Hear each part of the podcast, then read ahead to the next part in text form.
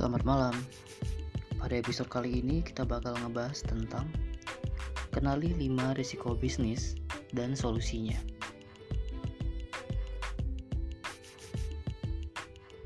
Dalam suatu kegiatan bisnis, bukan hanya keuntungan yang ingin kita raih, tetapi risiko juga merupakan hal yang tidak dapat dihindari.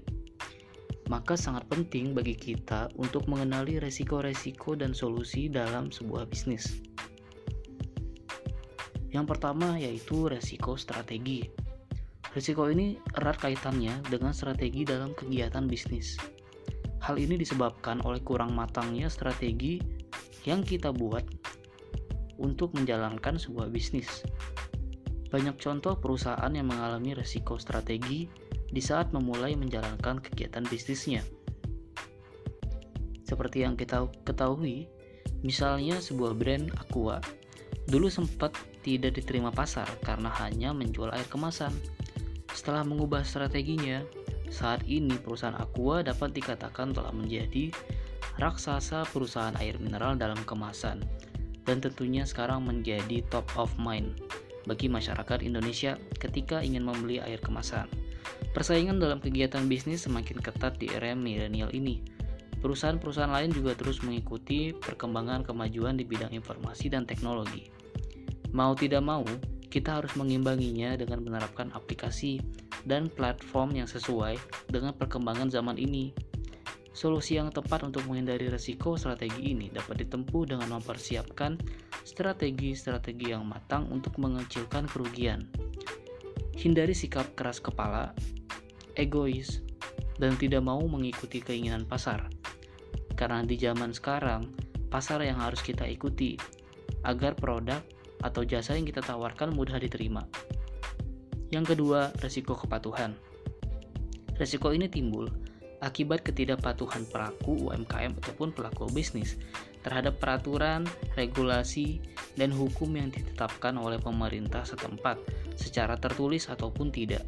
Sebagai contoh, di pemerintahan Kota Bandung menetapkan atau melarang pelaku UMKM untuk tidak berjualan di zona merah maka kita harus mengikuti aturan tersebut. Apa pun alasannya, pelaku bisnis harus mematuhi setiap regulasi yang dikeluarkan oleh otoritas daerah. Langkah awal yang harus dilakukan yaitu dengan memahami setiap regulasi dan peraturan bisnis yang diterbitkan oleh pemerintah. Kita juga harus memerhatikan kearifan lokal, adat istiadat, dan norma-norma masyarakat untuk menghindari resiko dan kerugian dalam kegiatan bisnis. Yang ketiga, resiko operasional. Resiko ini berkaitan dengan proses yang sedang berjalan, terutama pada hal-hal teknis. Bisa terjadi pada software yang kita gunakan atau pada karyawan penggerak bisnis itu sendiri. Mesin tiba-tiba macet atau server mengalami gangguan atau karyawan melakukan kesalahan yang tidak sengaja saat memasukkan data. Ini contoh risiko operasional dalam kegiatan bisnis.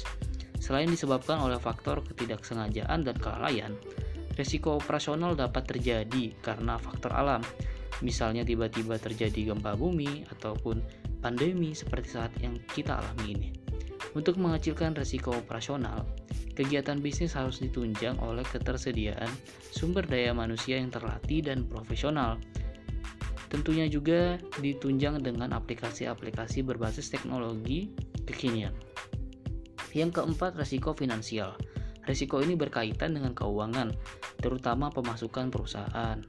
Risiko ini terjadi pada proses arus masuk dan keluar uang dalam perputaran kegiatan bisnis. Sebuah perusahaan yang memiliki pemasukan berasal dari klien melalui kredit dalam jangka waktu cukup lama cenderung memiliki risiko finansial yang lebih besar jika terjadi kredit macet atau sebaliknya, sebuah perusahaan memiliki utang yang harus dibayar dengan dicicil sudah tentu harus mengeluarkan uang tambahan untuk menutupi cicilan setiap bulannya.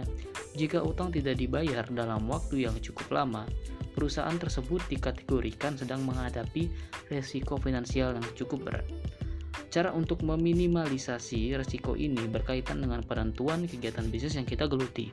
Contohnya, penjualan cara kredit sebaiknya disertai jaminan dari pelanggan, atau perusahaan tidak mengembangkan bisnis dengan meminjam uang kepada pihak lain jika terlalu beresiko.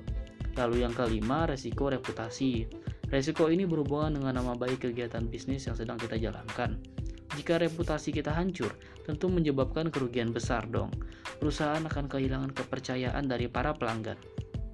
Untuk menghindarinya, perusahaan harus memastikan para karyawan dapat menjaga nama baik, peningkatan kinerja, menjaga kualitas produk, dan memberikan perhatian penuh kepada pelanggan.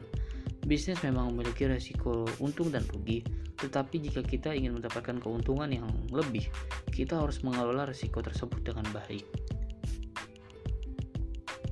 Berikutlah resiko-resiko dan beserta solusinya yang bisa saya share hari ini. Terus ikuti podcast UMKM Hustler untuk mengikuti tips dan trik dan perkembangan di bidang UMKM di Indonesia.